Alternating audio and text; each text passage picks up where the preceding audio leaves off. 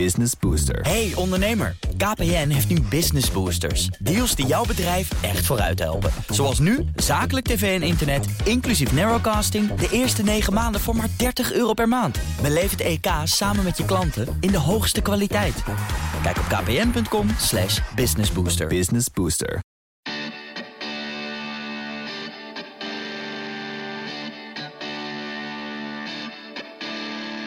Wat doet de coronacrisis met ons reisgedrag? Gaat ons gedrag blijvend veranderen? Of vallen we straks weer terug in oude gewoontes? Dit is een speciale corona-editie van de Breek de Spits podcast over de impact van het coronavirus en de crisis op mobiliteit en ons reisgedrag. Mijn naam is Nout Broekhoff, projectleider van Spitsbrekers. Vanwege de coronacrisis zijn er geen files en daarom ga ik in deze podcast in gesprek met de juryleden van Spitsbrekers over de veranderingen op het gebied van mobiliteit door corona. En in eh, deze aflevering Gerhard Tertolen, hij is eh, verkeerspsycholoog bij Extint. Ja, het reisgedrag van mensen is veranderd omdat het nou eenmaal moest. Want uh, anders was het niet gebeurd, toch? Nou ja, niet op deze mate. Niet in deze mate inderdaad. Het is, uh, we zijn natuurlijk al uh, decennia lang bezig om mensen aan het thuiswerken te krijgen. En dat lukt mondjesmaat. Maar er is meer weerstand dan dat men het enthousiast omarmt. En plotseling in één keer ging iedereen thuiswerken. Dus dat is inderdaad een omwenteling die we op een andere manier niet voor elkaar hadden gekregen. Nee, is het ook echt uitzonderlijk dat het ook zo goed gaat?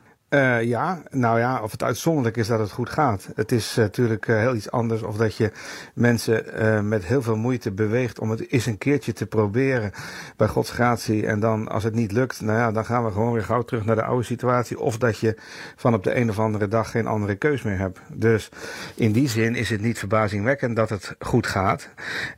dat we technische middelen hebben die heel goed blijken te werken is mooi meegenomen. Want anders dan was het toch een ander verhaal geweest. Als we allemaal ontzettend hadden moeten klooien en pielen met allemaal niet werkende technieken.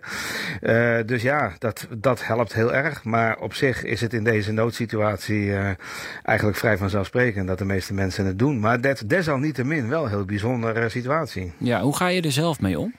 hoe ga je er zelf mee om? Ja, ik zit uh, ontzettend veel achter mijn schermpje. Veel, lief, veel meer dan me lief is. en ben de hele dag zo'n beetje bezig met, uh, met mensen ontmoeten op, uh, op het internet. Dus uh, met afspraken, met overleggen, met interviews. dus ik zit heel veel telen te vergaderen. nou is dat voor mij niet helemaal nieuw. Want in, in mijn beroepsgroep gebeurde dat al meer. Thuiswerken in ieder geval. Dat we zoveel ook elkaar zien is wel redelijk nieuw. En, Vind ja, je dat leuk? Zich... Een goede ontwikkeling? Of? nou ja, het is, het is wel. Het, ja, het begint bijna een beetje raar te worden als ik mensen alleen maar aan de telefoon heb en niet weet wie het is. Dus wat dat betreft, ja. uh, je went ook weer heel snel aan dingen. Dan denk je van, hé, hey, wat raar eigenlijk. Ik weet niet wie ik nou voor me heb. In dit geval wel natuurlijk, maar bij wijze van spreken. En uh, ja, dat. Uh, dus het went ook weer heel snel. En ja, op zich, het gaat goed. Maar, maar omdat het moet. Want ik zit wel heel erg uh, uit te kijken naar het moment. En ik hoop van harte dat dat toch weer gaat komen. Dat ik gewoon weer mensen kan ontmoeten. En met mensen kan praten. En ook weer veel meer, uh, ja, uh, de, de echte non-verbale signalen die je gewoon krijgt. Als je met iemand bent die toch anders zijn dan wanneer je iemand op afstand op een schermpje ziet. dat je weer gewoon normaal met iemand, want zo zie ik het toch, normaal met iemand kan praten. Dat zie ik wel echt naar uit. Ja, ja je kijkt natuurlijk naar de psyche in dit geval. Hè? Uh, zo lang thuiswerken of in ieder geval niet naar het kantoor gaan. Wat, wat doet dat met ons? Dat, dat is lastig te omschrijven. De, uh, het feit dat we niet naar kantoor kunnen, zoals ik al zei, dat is natuurlijk uh, geen vrijwillige keuze. Dus uh, dit wordt in een noodsituatie moeten wij handelen. En wat je dus ziet, en dat is op zich heel interessant, is dat als mensen hun eigen zekerheden kwijtraken, omdat er iets ontstaat waar men geen grip op heeft, iets wat ja, mogelijkerwijs heel erg gevaarlijk is of bedreigend, of, maar wat je zelf niet kan beïnvloeden, zoals dit virus. Uh, dan zie je dat mensen ja, toch heel instinctief terugvallen op kuddegedrag. En dat uh, dus uh, de individuele zekerheden worden omgewisseld door de wijsheid van het geheel, van het, van het, ja, van van het samen, samen dingen doen en zo. Dus ik zie een hele grote samenhorigheid. Je ziet dat mensen heel erg behoefte hebben om ja, knuffelberen voor het raam te zetten. Voor een berenjacht voor kinderen. Veel meer dan je normaal zou hebben. En je ziet dat mensen heel sterk ja, hartjes voor de ramen gaan hangen. En, en, en, van, en helemaal onder de indruk zijn van uitspraken als we staan nu wat verder van elkaar, maar juist dichter bij elkaar dan ooit. Want dat geeft een heel warm gevoel en dat geeft zekerheid in onzekere tijden. Dus je ziet dat mensen nu heel erg bereid zijn om veel meer te slikken dan ze normaal zouden doen en de individuele belangen wat naar achteren willen schuiven. En dat duurt zo lang als het duurt, want als straks het virus verslagen is, ja, dan uh, is men plotseling weer heel zeker van zijn eigen positie in de wereld en is de kans erg groot dat mensen weer heel snel teruggaan naar de oude modus, uh, die ik een beetje grof samenvat als ikke, ikke, ikke. Ja, dat zal ook zijn invloed hebben op het woon-werkverkeer dan weer. Ja, nou daar gaat sowieso, hoe je het ook went of keert, uh, de komende tijd, en dan heb ik het echt over een lange tijd, enorme verschuivingen plaatsvinden. Wat je nu al ziet is dat het openbaar vervoer momenteel in de crisissituatie nog maar iets van 10% van zijn normale reizigers vervoert. En uh, ook al is vastgesteld dat als we echt, waar ik niet zo heel erg in geloof om heel eerlijk te zijn, maar als we echt naar een anderhalve meter samenleving gaan, uh, dat ze dan maximaal 20% van de, van de, van de vroege reizigers kunnen vervoeren. Dus de treinen die zijn niet meer toegankelijk op een manier waarop ze waren. En uh, dan heb ik het nog niet eens over individuele keuzes en smetvrees en uh, geen niet meer het openbaar vervoer willen zitten en noem maar op. Dus uh, goed, pure capaciteit is dan niet meer toereikend om maar 20 procent. Dus we zullen wel iets anders moeten. En de keuzes zijn dan of we gaan allemaal in ons autootje zitten en de files worden langer dan ooit. Of we gaan echt structureel, serieus en ook uh, met de volle schouders eronder zorgen dat we ja, een hele andere economie gaan krijgen. Waarin we veel meer thuiswerken. Waarin we bijvoorbeeld dependances van bedrijven krijgen dicht bij bij woonlocaties waar veel mensen wonen die uh, daar werken.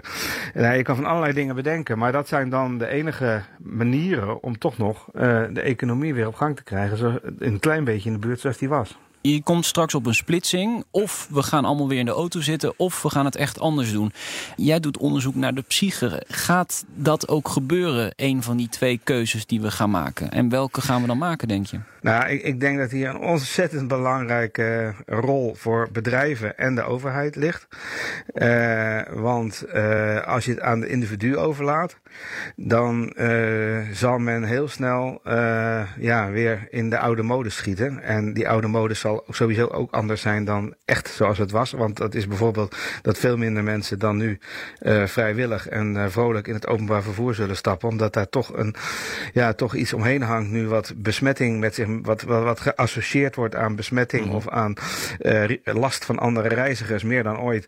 Dus er zullen dan veel meer mensen voor een individuele keuze op de auto terechtkomen, denk ik. Op de fiets misschien ook nog wel, want dat is ook natuurlijk individueel. Dat is ook redelijk, zolang je maar niet op een druk fietspad met allerlei andere mensen voor een verkeerslicht vast komt te staan, kan je ook redelijk je eigen weg kiezen en van andere mensen los zijn dan uh, ja, krijg je dus sowieso een, uh, uh, dat mensen heel erg snel weer een individuele keuze zullen maken. Die het voor hun het beste voelt en naar hun idee het snelst is.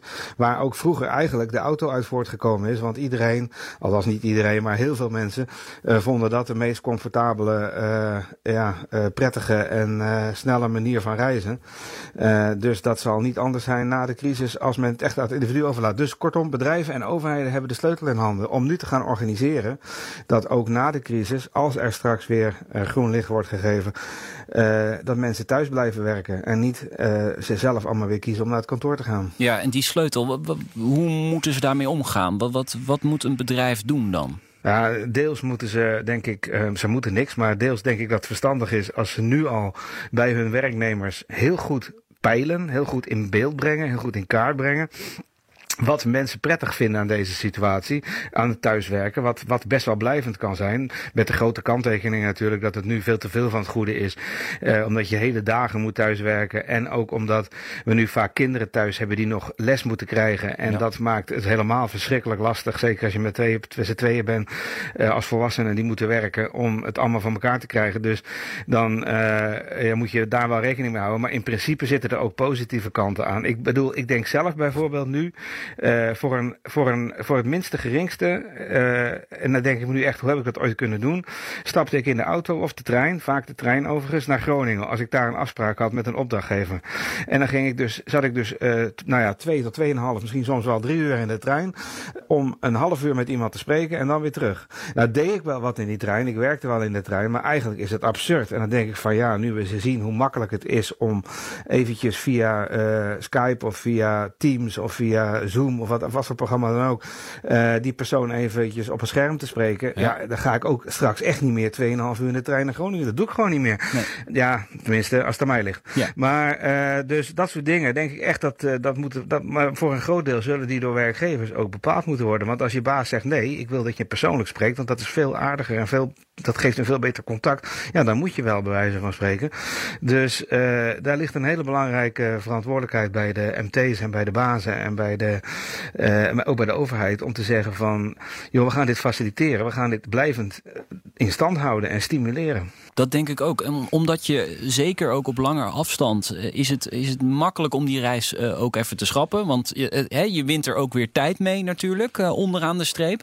En je komt niet in het OV terecht waar je mogelijk besmet zou kunnen raken. Nog de komende maanden of het komend half jaar. Dus op zo tackle je eigenlijk twee problemen in één. Ja, op zich wel. Op die manier wel.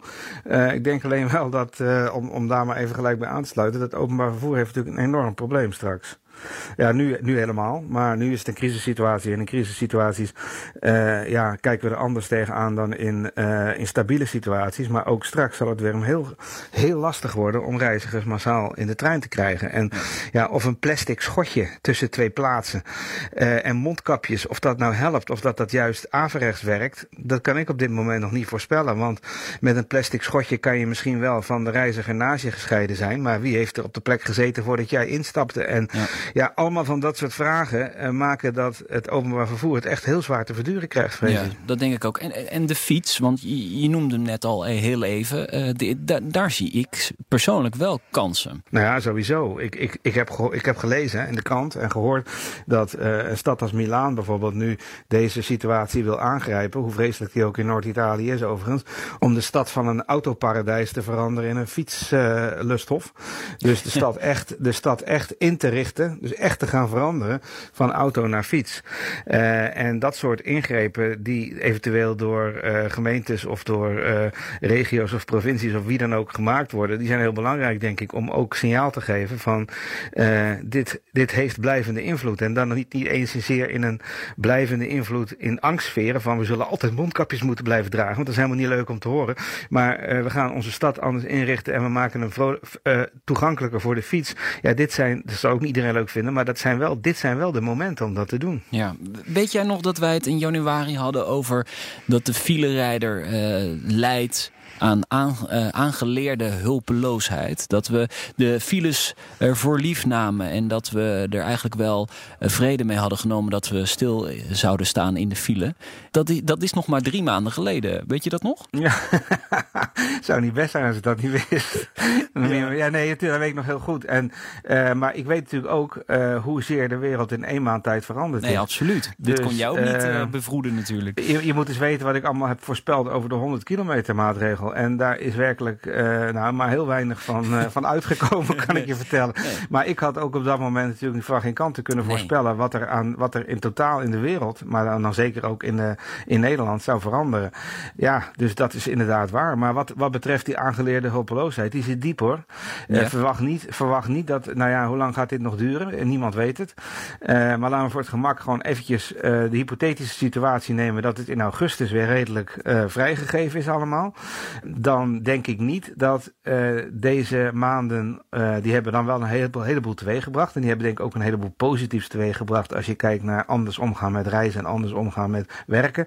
Maar dan denk ik niet dat we dat uh, in de file staan volledig zijn afgeleerd en dat we dat volledig hebben afgezworen. Nee. En dat we dat nooit meer willen doen of zo. Daar geloof ik niks van. Ik denk dat als je het niet van bovenaf helpt, dat die files gewoon weer terugkomen. En omdat het openbaar vervoer een knauw krijgt, zouden die wel eens groter kunnen zijn zelfs dan voorheen. Ja, ja. Tot slot, ik vraag aan ieder jurylid, straks als we terugkijken op deze periode, spreken we dan over een uh, mobiliteit voor en een mobiliteit na de coronacrisis. Hoe sta jij daarin? Ik denk dat we nu met z'n allen het besef dat begint door te dringen en dat we met z'n allen de middelen in handen hebben om te zorgen dat we spreken van een mobiliteit voor en een mobiliteit na de coronacrisis. Maar eigenlijk heb ik het in het verhaal net al gezegd. Als we die kans niet aangrijpen, en met we bedoel ik dan met name degene die sturing kunnen geven op een hoger niveau aan, uh, aan ons mobiliteitsgedrag. Als we die kans niet aangrijpen, dan denk ik dat we zullen zeggen na verloop van tijd, het zal best even duren, maar dat we dan zeggen van, hé hey, gek hè, na de coronatijd is het eigenlijk weer hetzelfde als voor de coronatijd. En ik denk dat we juist dat beeld moeten gaan voorkomen. En dat we daar gewaarschuwd moeten zijn. Dat we daarvoor uh, voor zorgen dat het niet gebeurt. Nou, jij hebt ons in ieder geval al gewaarschuwd ver van tevoren. Dus wat dat betreft, uh, als mensen dit hebben geluisterd, dan weten ze genoeg, denk ik. Ik hoop het, van harte. Ja. En uh, wij gaan er in ieder geval zelf heel hard voor om alles bij elkaar te halen wat ons kan helpen om de mobiliteit te veranderen na de coronacrisis. En nou ja, hoe meer mensen er meedoen, hoe beter. Dank voor je tijd, Gerard Tertolen. Hij is verkeerspsycholoog bij Extint. Tot zover deze podcast. Meer afleveringen vind je op bnr.nl in de BNR-app, Apple Podcast of Spotify. Tot de volgende keer. Spitsbrekers wordt mede mogelijk gemaakt door ANWB Zakelijk, Gazelle e-bikes en ALD Automotive. ALD Automotive. Ready to move you. Hardlopen, dat is goed voor je. En Nationale Nederlanden helpt je daar graag bij. Bijvoorbeeld met onze digitale NN Running Coach... die antwoord geeft op al je hardloopvragen. Dus, kom ook in beweging. Onze support heb je. Kijk op nn.nl slash hardlopen.